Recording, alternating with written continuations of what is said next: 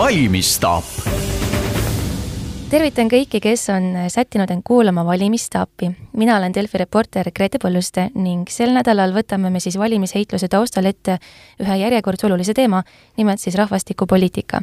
ja täna on äh, meil plaanis panna siis äh, meie kuulajaid sel teemal oma seisukohtade õigsuses veenma üks sotsiaaldemokraat ja üks konservatiivne rahvaerakondlane. ning sotse esindab meil siis stuudios täna Kaarel Oja, tere Kaarel! tere! Ja EKRE põhimõtete edastamise eest seisab küll kahjuks telefonitsi juba parteis paika pandud rahvastikuministri kandidaat Jaak Valge, tere Jaak! tervist, Eesti mehed ja Eesti naised! kena lugesin siin saatele soojenduseks mõlema erakonna valimisprogramme ja kõlama jäi siis selline selge tonaalne erinevus kahe vahel. Et EKRE pühendas rahvastikuga seotud küsimustele põhimõtteliselt neljandiku tervest programmist, aga sotsid kõvasti vähem ja suisa peidetumal moel, minu meelest vähemalt, et Kaarel Oja, äkki suhtute kõigepealt oletama ja arutlema, et millest selline erinevus, et kas sotside süda on siis meie rahvastikupüramiidi vaadates rahul ja kurjad prognoosid meie eestlaste võimetusest end taastoota siis teid ei häiri? Ma arvan, et see ei ole päris õige tõlgendus, meie rahvastikupoliitika on läbivalt programmis väga erinevate peatükkide all käsitletud, et rahvastikupoliitika on nii lai mõiste, et selle alla ei mahu kitsalt sündimus, sisseränne ja väljaränne, vaid inimeste heaolu, tööpoliitika,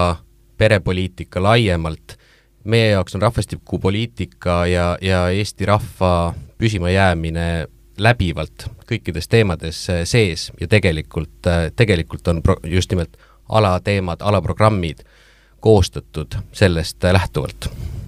no ja vaatangi EKRE programmi ja sealt jääb mulle nagu tunde poolest kõlama selline noh, juba esimene lause on ju valimisprogrammis selline, et eelseisvatel valimistel on kaalul Eesti rahvusriigi püsimajäämine ja seal ikka on hulk tähelepanu sellele rahvastiku küsimusele antud, et äh, noh, saan aru, siis äh, tõlgendasin valesti sotside valimisprogrammi, kui te niimoodi ütlete, aga äkki siis äh, Jaak Valge räägib meile kõigepealt täpsemalt, et kuidas Eesti rahvus siis häving ootab, kui EKRE jutupunktid end praktikasse välja ei mängi järgmise valimistsükli jooksul? Jaa, eks ma katsun rääkida et ega meil tõesti selle rahvastiku seisuga ju millegagi kiidelda ei ole. ja et me peame siin äh, selliseid radikaalset poliitikat rakendama, mida siis meie pakumegi. et meil on praegu esiteks on siis sündimuse äh, summaarkordaja on viimastel aastatel kusagil üks koma viis kuni üks koma kuus siis keskmiselt naise kohta ja nagu kõik on neid uudiseid lugenud, et see sündide arv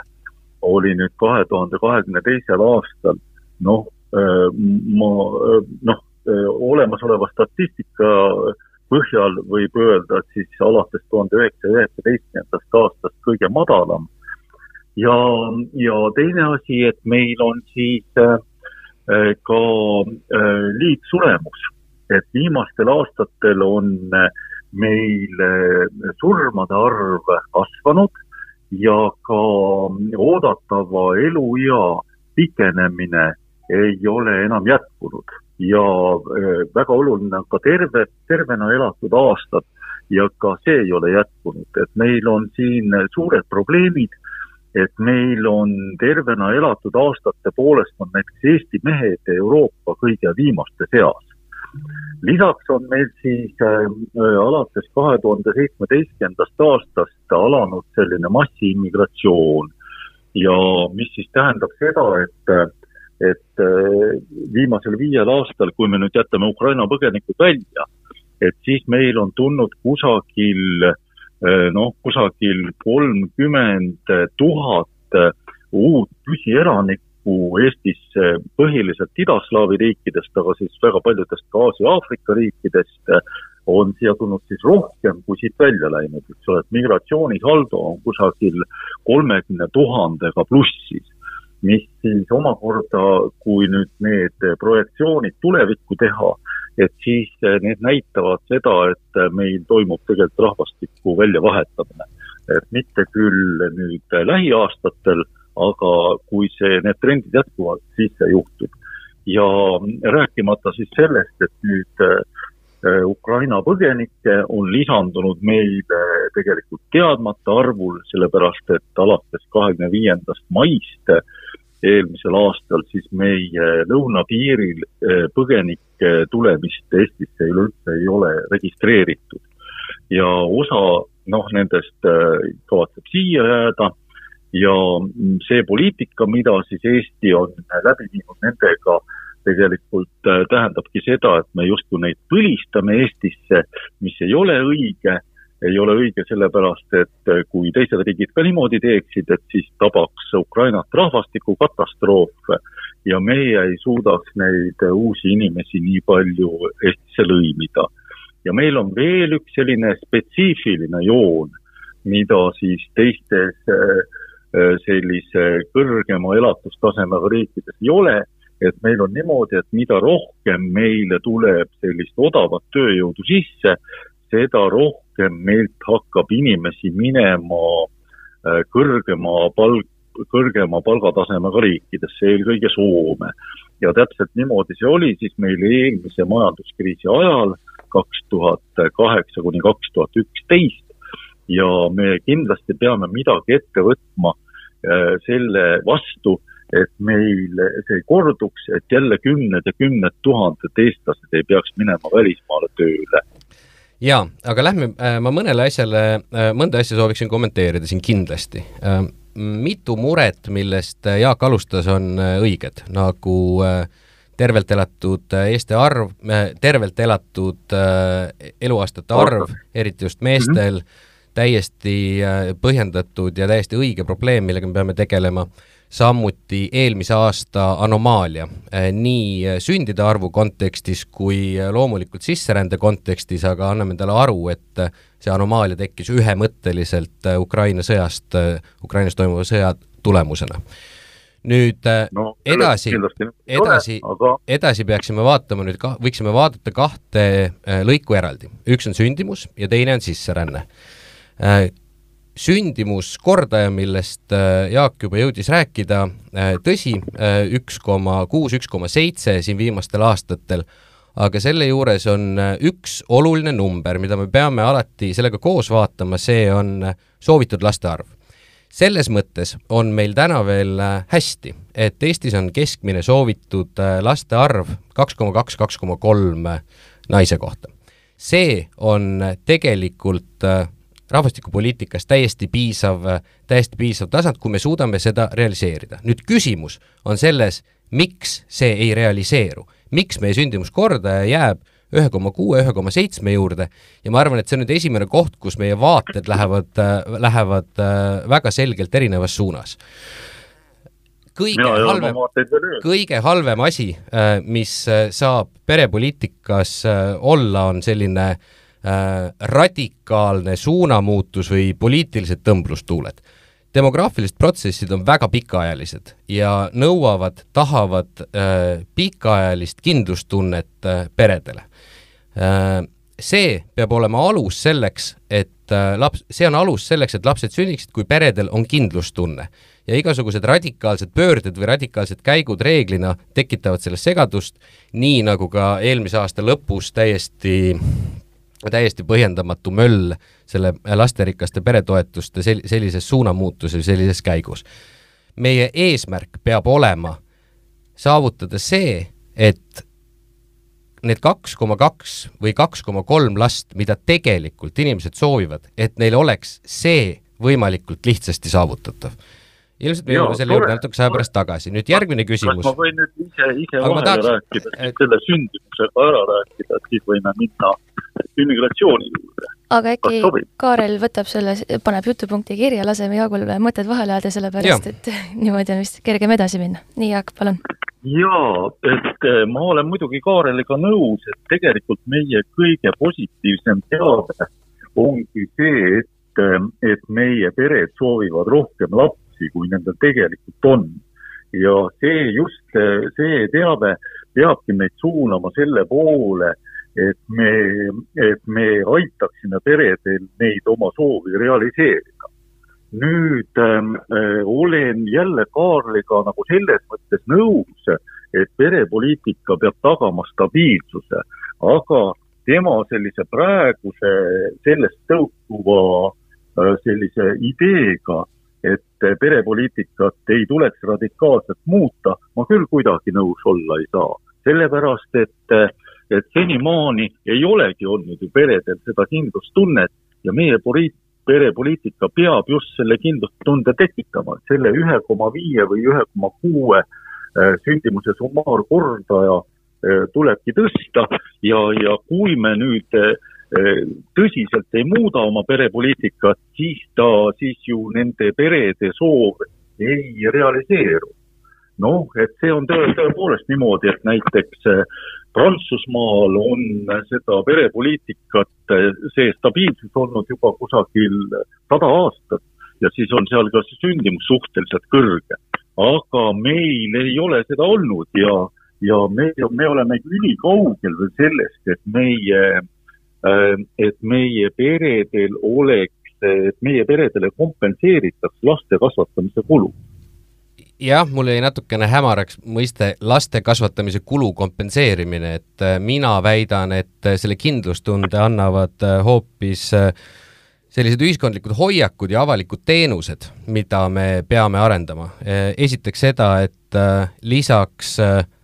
emale laste kasvatamise kulude kompenseerimise juures on oluline see, et suurendada isade rolli laste kasvatamises paindlikumad, paindlikumad vanemapuhkuse jagamisviisid äh, vanemate vahel, siis äh, selge tööelu ja pereelu äh, ühitamise soodustamine, kõik see, et, et lastel oleks, et ka, et ka isade roll kindlasti kasvaks laste kasvatamisel ja, ja siit edasi äh, jah, need äh, nii-öelda kindlustunded äh,, kindlustunded ka ütleme siit Tallinnast ja Tartust väljaspool, et oleks võimalused ja, ja paremad tingimused kodu rajamiseks. Ja, ja siit kindlasti edasi lasteaiakoht, huviharidus, et oleks kindlust, et need on olemas, kui lapsed kasvavad ja, ja neid teenuseid vajavad küll saan nende asjadega ka nõus olla, aga noh, need on ikkagi natukene liiga kaudsed sellised loosungid. et äh, tegelikult äh, stabiilsust äh, pakub peredele ikkagi majanduslik stabiilsus, et nad teavad, et kui see laps on teretulnud peresse, et siis teda saab, jätkub ka võimalusi te, tema korralikuks üleskasvatamiseks ja tema, tema heaoluks. ja nüüd, kui äh, kui ma nüüd natukene olen selline terav, et siis ma ütlen tõesti sotsiaaldemokraatide kohta niimoodi, et et kui, ja kui me räägime sellest stabiilsusest, et siis sotsiaaldemokraatide perepoliitika küll viimasel kahel aastal on olnud kuidagi väga imelik või viimasel pooleteistkümnel aastal, et eelmisel kevadel ju ka sotsiaaldemokraadid koos teistega siis eh, tegid, eh, olid, seisid selle eest, et, eh, et lastetoetusi tõstetakse, aga siis millegipärast eh, uuesti võtsid oma allkirjad sellelt eelnõult tagasi, noh, hiljem on olnud siis kuidagi selgusetu see, et osad sotsiaaldemokraate on olnud siis nende laste- ja peretoetuste eh, tõstmise poolt ja hääletanud poolt, teised justkui ei ole, et, et no. ei olegi sellest päris aru saanud. ega siin tegelikult, ma võin seda selgitada, see tegelikult on väga lihtne lastetoetused on olnud sotsiaaldemokraatide jaoks äh, põhimõtteline teema enne seda, kui Eesti Konservatiivne Rahvaerakond sündis. Äh, me oleme seisnud lastetoetuste eest äh, kaua ja põhimõtteliselt need probleemid, mis tänaseks on tekkinud viimase perehüvitiste seaduse muudatusega, on see nii majanduslik kui moraalne ebaõiglus, mis on tekitatud ühe- ja kahelasteliste perede toetuste vahel ja kolmelasteliste perede toetuste vahel kui nüüd on minu sõna, et siis ma ütleks niimoodi, et, et ma kuidagi ei alahinda seda sotside eh, eh, peretoetuste eest seismist, aga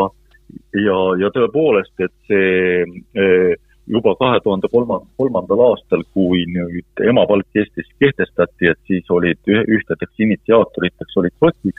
aga, aga paraku ega see ei ole ju sellise rahuldava tulemuseni meid siin Eestis ju viinud. et tegelikult äh, ja elu ja needsamad numbrid ju näitavad, et meil on vaja tõesti teistsuguseid meetmeid, et mis siis selle perede stabiilsuse tagaksid. ja, ja siis ma olen ka kindlasti sotsiaaldemokraatidega selles mõttes nõus, et ka esimese ja teise lapse toetust oleks, peaks olema kõrgem. Aga meie, meie EKRE-ga siis toona otsustasime, et, et, et esialgu siis proovime kas või sellisel kujul, nagu ta nüüd Riigikogus vastu võeti, et selle poolt olla. Ja kui me ise valitsusse saame, et siis, et siis tõstame ka selle esimese ja teise lapse toetust. Ja loodetavasti siis ka sotsid toetavad seda. Esimese ja teise lapse lapsetoetuse tõusu tänases äh, ebaõigluses sotsiaaldemokraadid kindlasti toetavad. nüüd, äh, mis äh, on see koht, kus ma tõesti mõtlen teistmoodi või tõesti tahan vastu vaielda, on see hoiaku küsimus, kas laste saamist tuleb kompenseerida, premeerida veel suuremate toetustega, veel rohkemate rahasummadega või vastupidi, teha inimestel toimetulek lapse sünni järel ja last kasvatades lihtsamaks. ja see on see koht, kus mina arvan, et printsiibis on õigem tegeleda nende avalike teenustega ja tegeleda nende sotsiaalsete normide teatud määral muutmisega, et ka isadel oleks rohkem rolli laste kasvatamises, et emadel oleks lihtsam pärast lapse sündi ja lapsega mõnda aega kodus olemist tööturule tagasi minna, sest lõpuks, lõpuks ei pea me perekondi riigina tööealist ela-, elanikkonda üleval pidama, kui nad on lapse saanud, küll aga tegema, välistama kõik need nii-öelda barjäärid, mis võivad sellest tekkida töö, tööjõuturule naastes. sellepärast, et laste, lasterikka pere toetus on juba mõnda aega äh, tagasi tehtud. see ei suurendanud statistiliselt äh, tajutavalt kolmandate laste saamist. nüüd eelmise aasta lõpus me sisuliselt duubeldasime selle summa. see on natukene nagu hasartmängusõltlase käitumine, et sa oled panuse, suure riigieelarvelise panuse teinud lasterikka pere toetuse näol, see ei anna tulemust ja siis on lahendus see duubeldada. ja, ja, ja probleem selles on see, et selle, selle selle süsteemiga saatsime me ühe- ja kahelapselistele perekondadele sõnumi, et need lapsed vajavad või väärivad vähem toetust riigi poolt, vähem toetust nendeks üle, üleskasvatamiseks. ja see on tõepoolest see, mis nüüd on vaja ära likvideerida, see ebaõiglus. aga sealt edasi peab olema fookus palju rohkem sellel, et lapse kasvatamine oleks normaalne katkestud, katkestusteta osa meie tööelust ja meie igapäevaelust ma korraks äh, küsiks ja. Äh, vahepeal lihtsalt, et see äh, isade osaluse kasvatamine lapse kasvatamise töös, et mida see endast kujutab siis, kas mingit Sotsiaalministeeriumi kampaaniat või, või kuidas see välja peaks nägema? ei, see ennekõike tähendab seda, et vanema, vanemapuhkust on palju lihtsam vanemate vahel jagada, seda vanemahüvitist või nii-öelda vanema, vanema töötasu äh, on aja jooksul oluliselt paindlikumaks muudetud, lisaks on tekkinud veel üks kuu ainult isale mõeldud, mõeldud puhkumist, puhkamist äh, lapsega või lapse, äh, lapsega kodus olemise kuutasu. ma arvan, et äh, see paindlikkust saab olla veel rohkem ja, ja lõpuks on küsimus selles, et isad hakkaksid seda ise rohkem kasutama. tõepoolest, seda tasub ka positiivselt nii-öelda müksata ka kampaaniatega, aga ennekõike sellega, et see oleks äh, paindlik ja, ja, ja mugav. mina näiteks oma teise lapsega olin kodus suurema osa ajast ja kolmanda lapsega tegelikult oli täpselt see paindlikkuse kasutamine väga, väga hea lahendus. aga samas Eestis on ka väga palju katkiseid peresid, kus äh, suhted väga hästi ei toimi emade-isade vahel, et kas äh, seal on ka kuidagi võimalik mõelda, et see on ju samuti üks hirme kindlasti inimestel, kui nad hakkavad peret looma, võib-olla mõtlevad pere loomisele, see on ebakindlus, mis seisab ees, et äh, kuidas siis seda likvideerida? see on täiesti teine eraldi suur peatükk äh, ja, ja, ja sellega, sellest me ilmselt võiksime ka rääkida siin, äh, siin omajagu aega. mis ma tahan öelda, on see, et rahaga seda ei lahenda. selles mõttes suurendada lihtsalt toetusi, seda ei lahenda, vaid võib tekitada neid probleeme juurde. seda kindlust sedakaudu, sedakaudu ei tule. nii, Jaak Valge, palun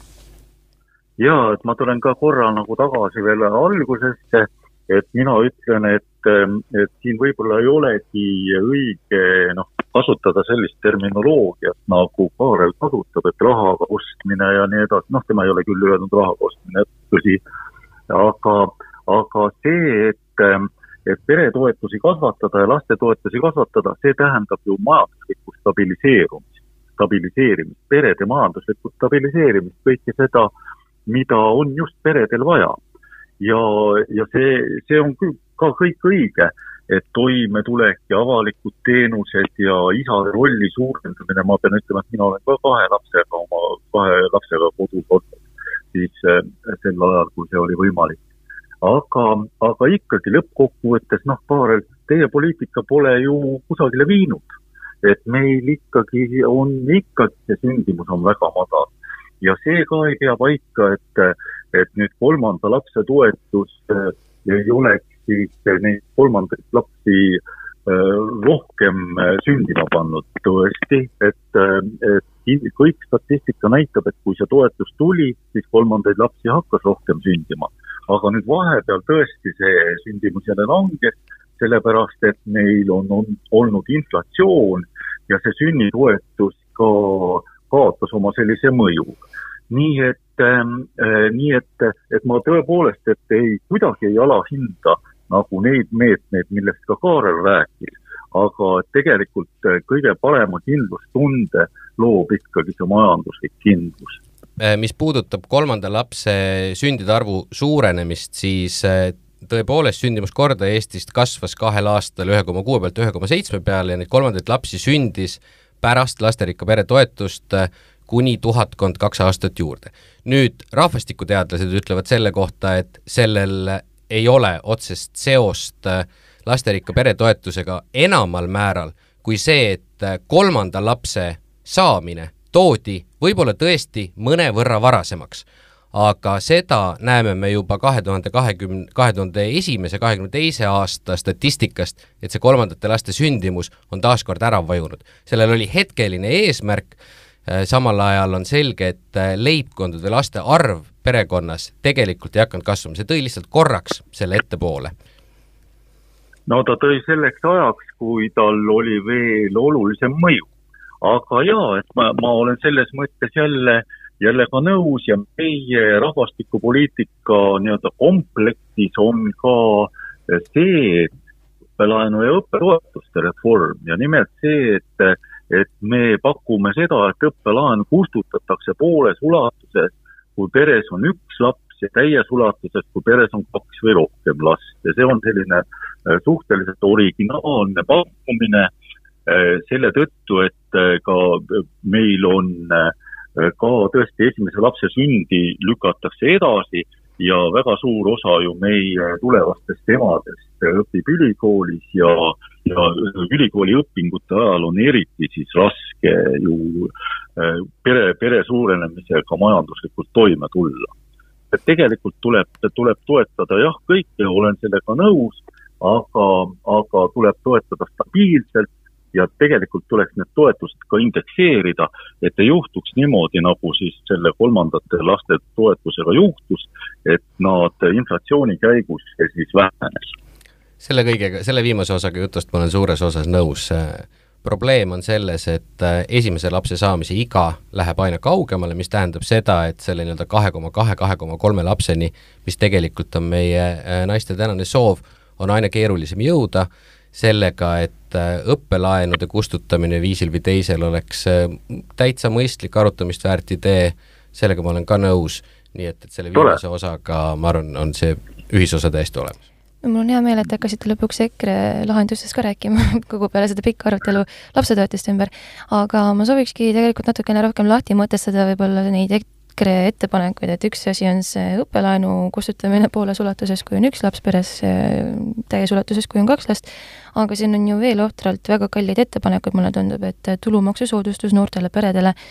mm, vähendades tulumaksu veerandi ehk viie protsendipunkti võrra iga peres kasvava lapse pealt mõlemal tööl käival vanemal ja sinna juurde siis kodulaenu soodustamine mingitel X tingimustel, millega ma hetkel kursis ei ole, ja siis ka sellest neljandiku kustutamine iga uue lapse sünniga. et äh, see kõlab väga-väga kallilt juba niisamagi, et kas oskate kõigepealt öelda nagu numbreid, mis sinna juurde käivad, Jaak Valge?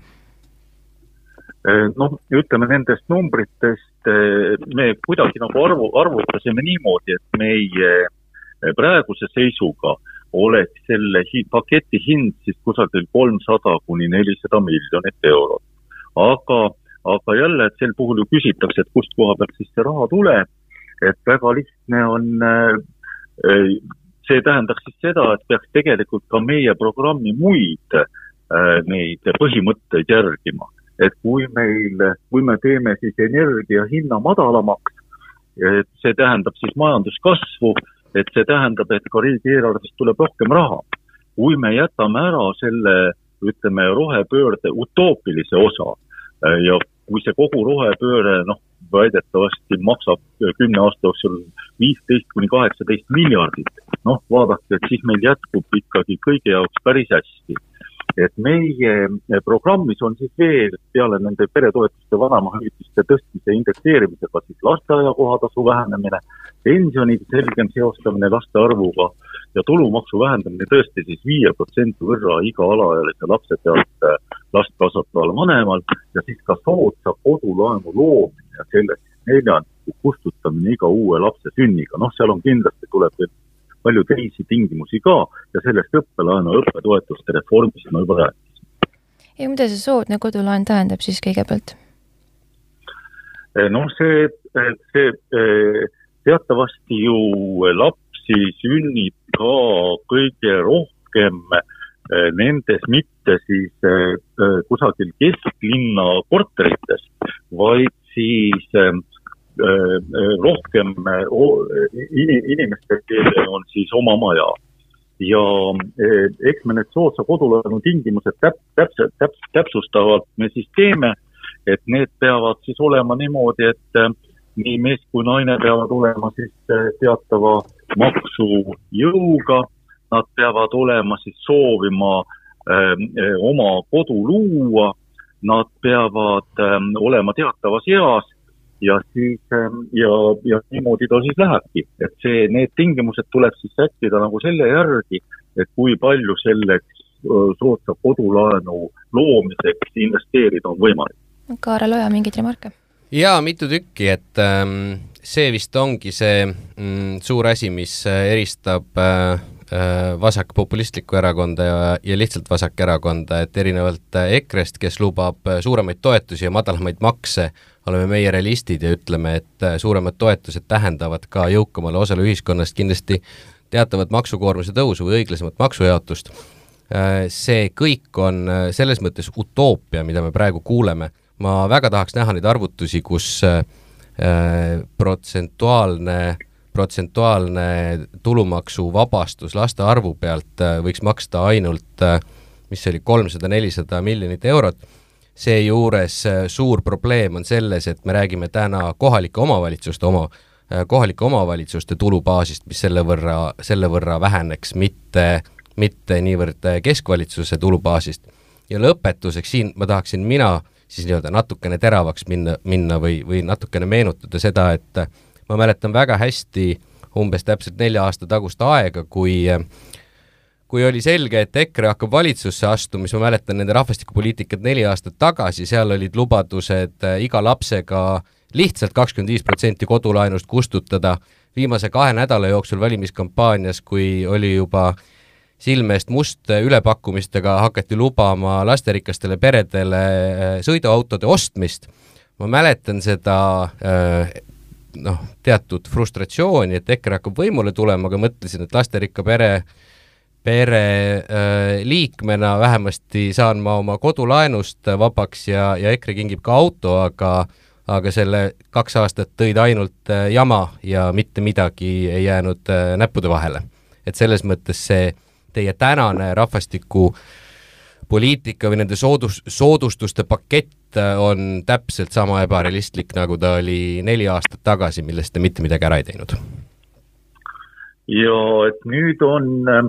noh, ütleme, et sellest majanduse teemadele päris ei ole ju mõtet minna, et me jääme ju pole pikk, pikalt rääkima, aga madalamad maksud ju põhimõtteliselt tähendavad ka suuremat majanduskasvu ja erinevad siis sotsiaaldemokraatidest, et kes tõesti on eh, nõus meie heaolu ohverdama mingisuguse utoopilise rohepöörde nimel, et siis meie seda ei tee ja meie kasutame tõesti eh, neid vahendeid ikkagi perede heaks. Nii, sõiduautode ostmist ei ole küll EKRE mitte kunagi lubanud, et kui võib-olla on seal kunagi olnud see idee, et et me teeme siis laenutingimused mõnevõrra soodsamaks, ja lugupeetud vestluskaaslane, küllap on talle ka teada, et, et kuidas siis koalitsioonilepinguid sõlmitakse, et eh, mõned eh, sellised seisukohad lähevad koalitsioonilepingusse, teised paraku ei lähe. et kui ma võtaks nüüd ka sotsiaaldemokraatide eh, sellised valimisseisukohad aastast kaks tuhat üheksateist, küll ma saaks selle üle ironiseerida. aga ega me selleks ei ole siia kokku tulnud ehk siis äh, toonitasite, et selleks, et äh, kogu see tulumaksusoodustus, äh, kodulaenu soodustused nii-öelda, ähm, õppelaenu kustutamine, et kuna nende tegemiseks tuleb ka teisi EKRE programmilisi punkte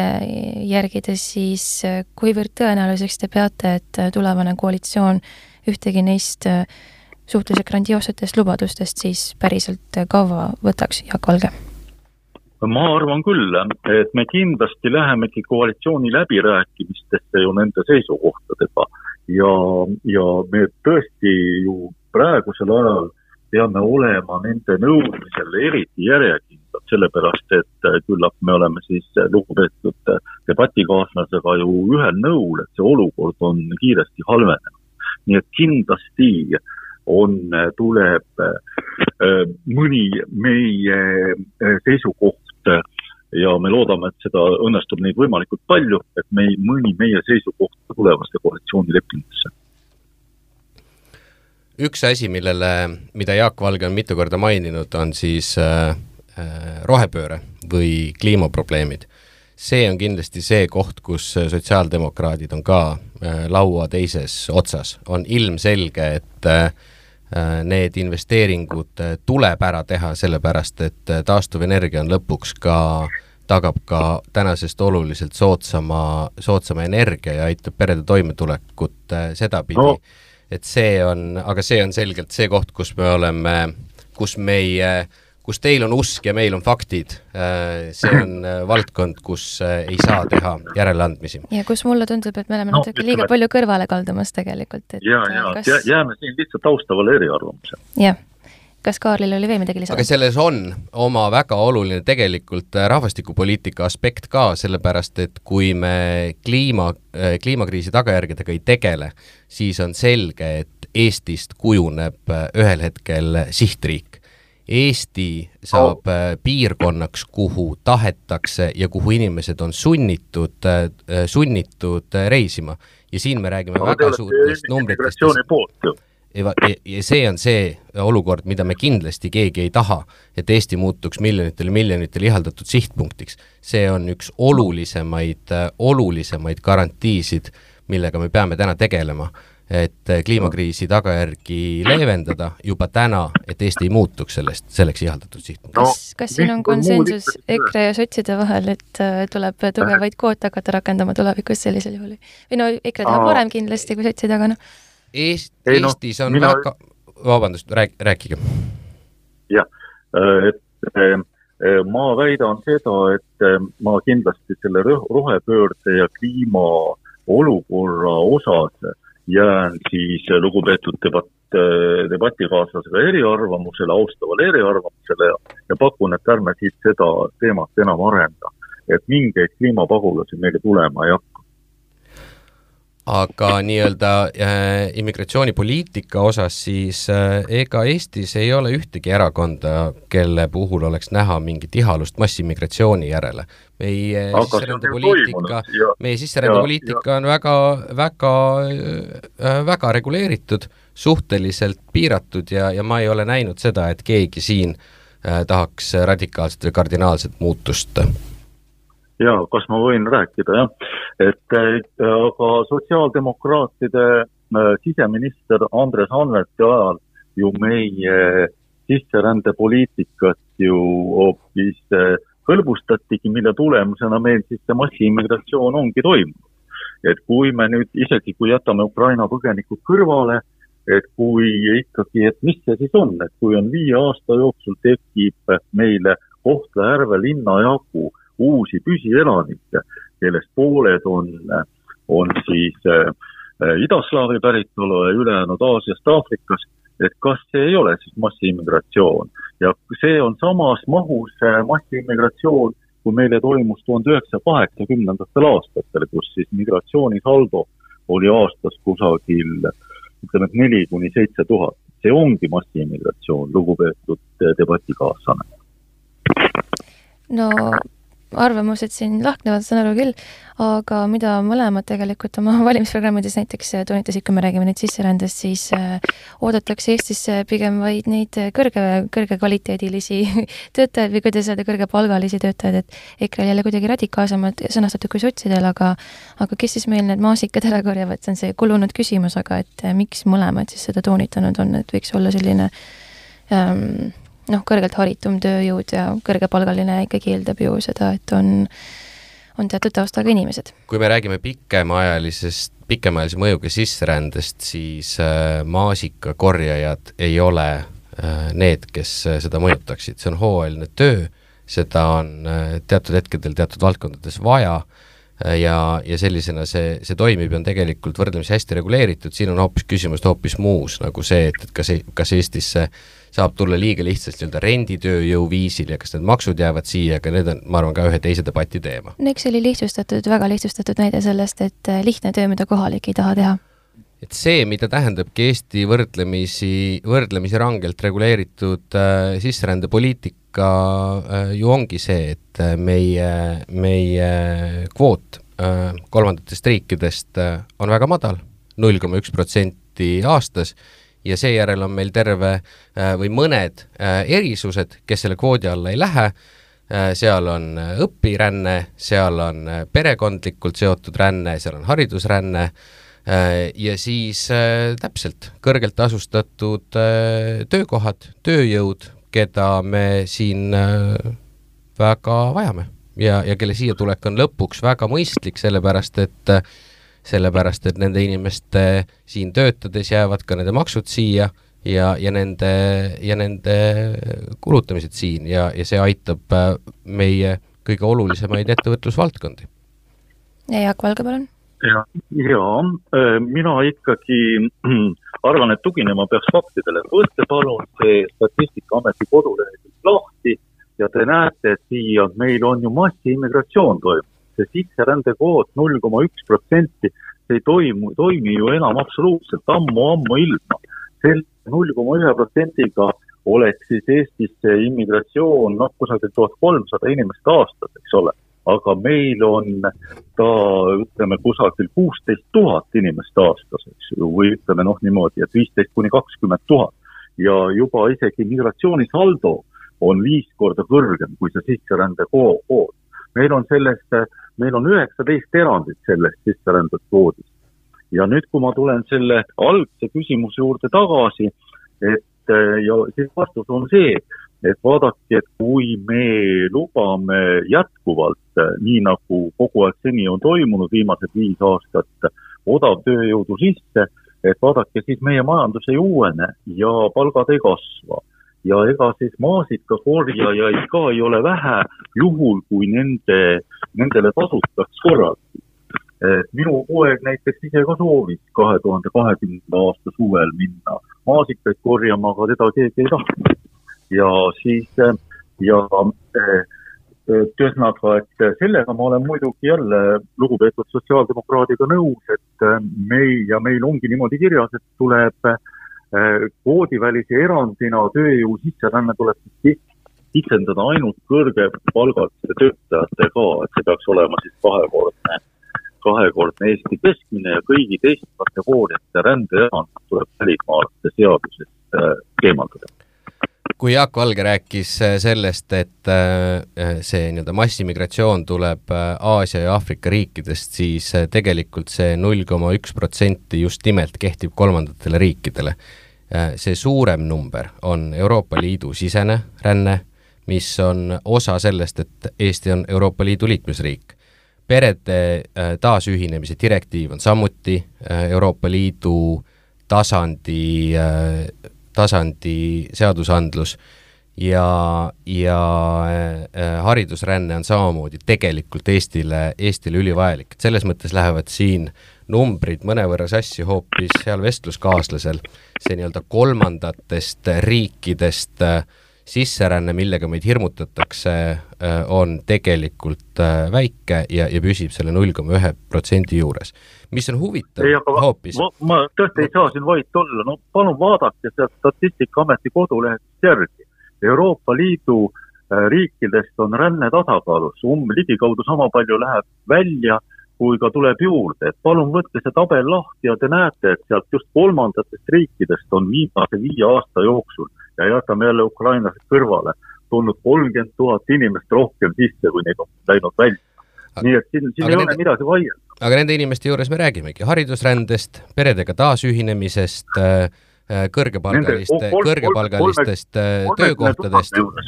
ei ole, te teete nalja. ja nüüd, aga mis on palju mõte on siis selline, et tegelikult kui vaadata Siseministeeriumi esmaste elamislubade statistikast, et siis on ju näha, et suuremalt jaolt on meil kolmandatest riikidest püsielanikuks tulnud ikkagi odav tööjõud. üks oluline statistika siia veel, miks ma kindlasti ei näe seda sellise katastroofilise pildina, nagu Jaak Valge üritab maalida, on see, et kui me vaatame oma äh, rahvastiku rahvuslikku koosseisu, siis äh,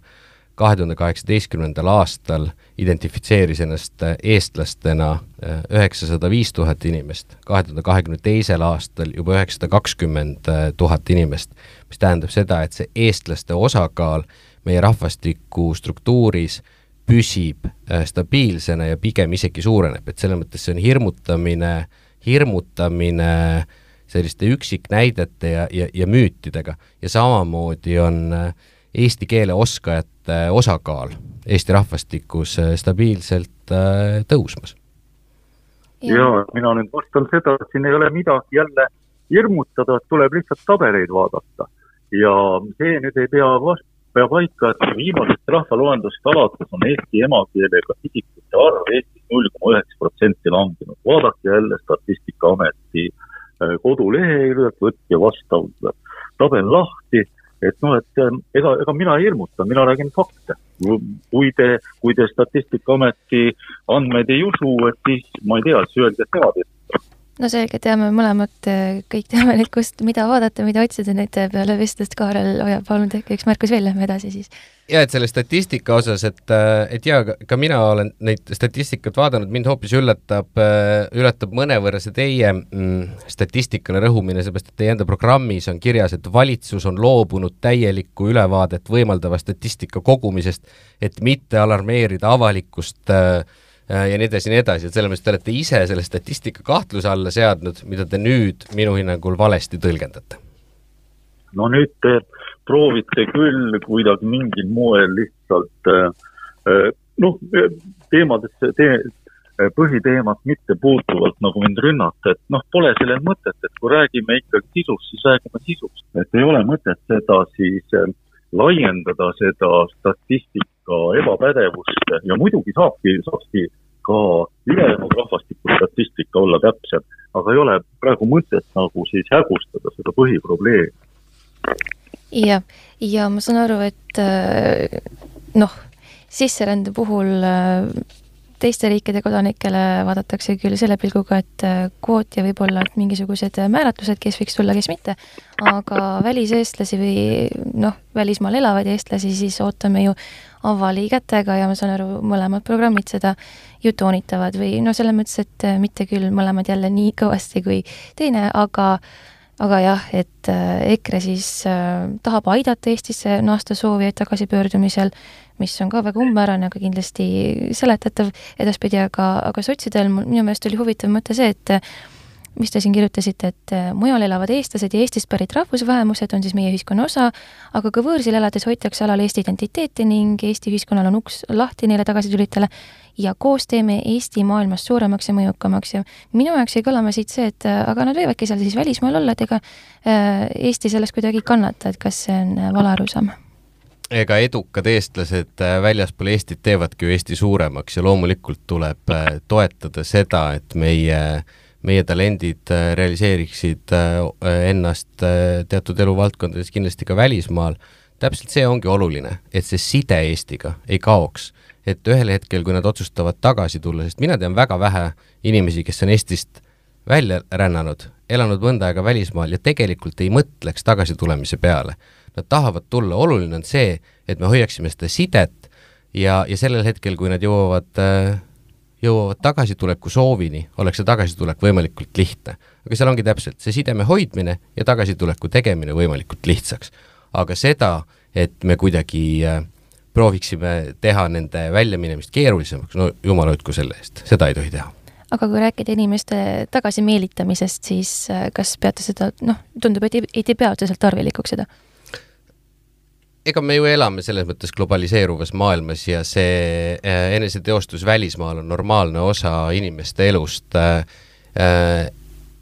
ma arvan, et inimestel peab olema see vabadus otsustada, kas nad tahavad elada veel mõned aastad välismaal, kauem välismaal, see meelitamine on selline nagu riskantne sõna selles kontekstis. mina väidan, et see tagasitulemine, kui neil on endal see soov ja tahtmine, ma väidan, et enamikel inimestel on see soov siis see oleks neile väga lihtne. Jaak Valge, mis teie arvate sellest?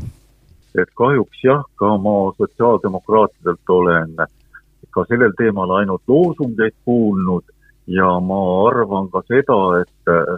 väga suur osa nendest eestlastest, kes välismaal elavad, ei ole läinud sinna kaugeltki mitte eneseteostuse pärast, vaid selle tõttu, et nad ei ole majanduslikult äh, ots otsaga kokku tulnud või on Eestis siis töö kaotanud. ja ja tõesti, et siin, eh, siin kõige paremini aitaks siis kaasa see, et kui me lõpetaksime selle odava välistööjõu impordi, mis meie palgad alla lööb, sellepärast et eh, põhiliseks tagasituleku takistuseks ongi see tegelikult madalam sissetulek, et need uuringud seda näitavad. ja meie loomulikult, et ega me siis ei saa kedagi sundida küll aga me tahaksime äh, korraldada siis tagasirände-kampaania, et eestlased on alati Eestisse oodatud ja looksime ka tagasirändeagentuuri ja püüaksime siis Eesti naasnute sisseelamist hõlbustada. ja veel üheks selliseks meie originaalseks äh, ideeks on siis Välis-Eesti valimisringkonna moodustamine, et välismaale jäänud eestlased tunneksid kodumaaga tihedamat sidet ja kaaluksid siis esimesel võimalusel naasmist, et nendel oleks ka siis äh, ka parlamendis siis oma esindaja, kes siis saaks nende nimel seal rääkida, aga eelkõige ikkagi sellepärast, et mi-, mis, äh, mis neid takistab tagasi tulemast ja tahaks nüüd mm kiiresti lõpetada sellise küsimusega, et noh, me teame küll, et rahvastikku puudutavad suundumused ja protsessid on hästi pikad ja seda nagu laeva ümber keerata on ääretult äh, raske tegelikult, et kuna me, kui me oleme kriisi poole teel, siis me oleme kriisi poole teel, et ikkagi noh, on keeruline. aga noh kuna see valimistsükkel ise siin midagi ei paranda ju selles kontekstis, siis eh, kuidas, kuidas te mõlemad näeksite, et milline oleks teie silmis päriselt ka selline erakondadeülene üksmeele koht, eh, mis on need suund ja tegevused, mis on reaalselt võimalik paika panna järgmise valimistsükli jooksul ja mida siis järgnevalt korratakse, korratakse, korratakse, mida siis ideoloogilised kraaklused ei mõjutaks? et Kaarel äkki alustab ma arvan, et me mitut olulist teemat äh, sündimuse kontekstis puudutasime, et, äh, et korrata üle see, et äh, kui me räägime rahvaarvu püsimise juures, siis vahepeal läks siin migratsiooni kontekstis või sisserände kontekstis päris teravaks ja, ja me jäime erinevate nii-öelda numbrite juurde või nende tõlgendamiste juurde, siis ma tahan üle korrata selle, et Eestis ei ole täna poliitilist jõudu, kes näeks Eesti rahvastiku äh, probleemide lahendusena lihtsalt nii-öelda massilist äh, sisserännet sellepärast et seda massilist sisserännet, äh, millest EKRE ka räägib, tegelikult ei ole äh, ja, ja Eesti sisseränne on võrdlemisi jõuliselt reguleeritud niigi. et selles mõttes selge on see, et see fookus peab olema, peab olema sündivusel ja, ja, ja sellest me saate esimeses pooles päris palju rääkisime, enam-vähem suuremates, suuremates küsimustes tegelikult teineteisega ka nõustusime, et et oluline on see kindlustunne, kas see on nii-öelda suuremad äh, otsetoetused, millest võib-olla rohkem räägib EKRE, või siis väga selgelt suunatud toimivad avalikud teenused, millest räägime meie, paindlikum, paindlikum pere- ja tööelu sidustamine, siis, siis tegelikult see ongi see, milles me peame selle kokkuleppe saavutama, sest samamoodi siin saates juba kõlanud, rahvastikupoliitika ja perepoliitika kontekstis on ülioluline see stabiilsus, sest täpselt nii ongi, need on pikaajalised protsessid. Jaak Valge, mis on teie mõtted? No ma pean jälle natukene reageerima siis minu lugupeetud debatikaaslase väitele ja ütlema, et, et massiline sisseränne on ja juba mitu aastat on ja selles võite veenduda, vaadake tabeleid ja kui te isegi tabeleid ei usu, et siis võtke te ju näete, et kuidas vene keele kasutamine on äh, igal pool avalikus ruumis ju suurenenud. et ähm, äh, meil, meil kindlasti on üks väga oluline tõesti eesmärk on siis meie nende välja, majanduslikel põhjustel välja rännanud, rännanud eestlaste tagasisaamine. seetõttu tuleb see massiline sisseränne lõpetada, ka selle tõttu aga muudes asjades olen ma lugupeetud debatikaaslasega nõus, et eh, juhul, kui me, kui oleks mingisugune selline ime või teoreetiline võimalus, et me koos valitsuse teeksime, et küllap me siis eh, keskenduksime just nendele, eh, nendele meetmetele, mis looksid siis peredele stabiilsust ja kuidas ja ku, kuidas täpselt, et see oleks siis läbirääkimiste küsimus. ja võib-olla aitaks kaasa ka siis sellise stabiilse institutsiooni loomine, noh, et oleks siis nagu rahvastikuministeerium olekski alati äh, olemas siis mitte ainult nii-öelda portfellita ministrina, vaid ühe, ühe ministrina või ka siis rahvastikubüroo loomine siis äh, peaministri juurde, pea lisaks kõikidele muudele asjadele. ja Kaarel, mis te nendest ettepanekutest teoreetilise koostöö kontekstis arvate? ei no teoreetilise koostöö kontekstis, kui me räägime rahvastikupoliitika pikaajalistest äh, suundumustest, siis äh, see on see koht, kus äh, no põhimõtteliselt tuleb leida, leida viisil või teisel koostöökohti üle poliitilise välja ja, ja, ja tegelikult palju kaugemale kui ainult nii-öelda poliitiline väli. et ka, ka tubli ametkond ja, ja, ja kõik muud sektorid Äh, ma tahtsin lõpetuseks öelda veel seda, et ma muide isegi leidsin üles äh, selle äh, suure pereauto, millest ma siis ilma jäin, hoolimata sellest, et EKRE seda lubas ja kaks aastat valitsuses oli, et seda te isegi proovisite seda nagu päriselt kuidagi realiseerida, aga aga kahe tuhande kahekümnenda aasta alguses, aga see kuidagi ei tahtnud õnnestuda, õnnestuda no kui ma nüüd meenutan, mis teil on kõik ebaõnnestunud, et siis enne läheb issanda päike rooda seega, kas on muid märkusi veel siia saate lõpetuseks? no ilmselt on, meil on hästi kiire või et on nii aeg üle läinud. Seda aga, tõesti, aga? aga soovin, soovin siis edu valimistel ja, ja tõepoolest, et rahvastiku eh, probleemide lahendamine on siis meie kõikide ühine hoov. samad sõnad, edu valimistel ja rahvastikupoliitikaga tuleb ühiselt tegeleda Nende sõnadega tõmbame siis täna saate kokku, oli väga huvitav, väga intrigeeriv oli kuulata seda vaidlust siin teie kahe vahel ja loodan, et Delfi kuulajatel samuti. ja mis mul ikka muud öelda, kui et järgmise korrani.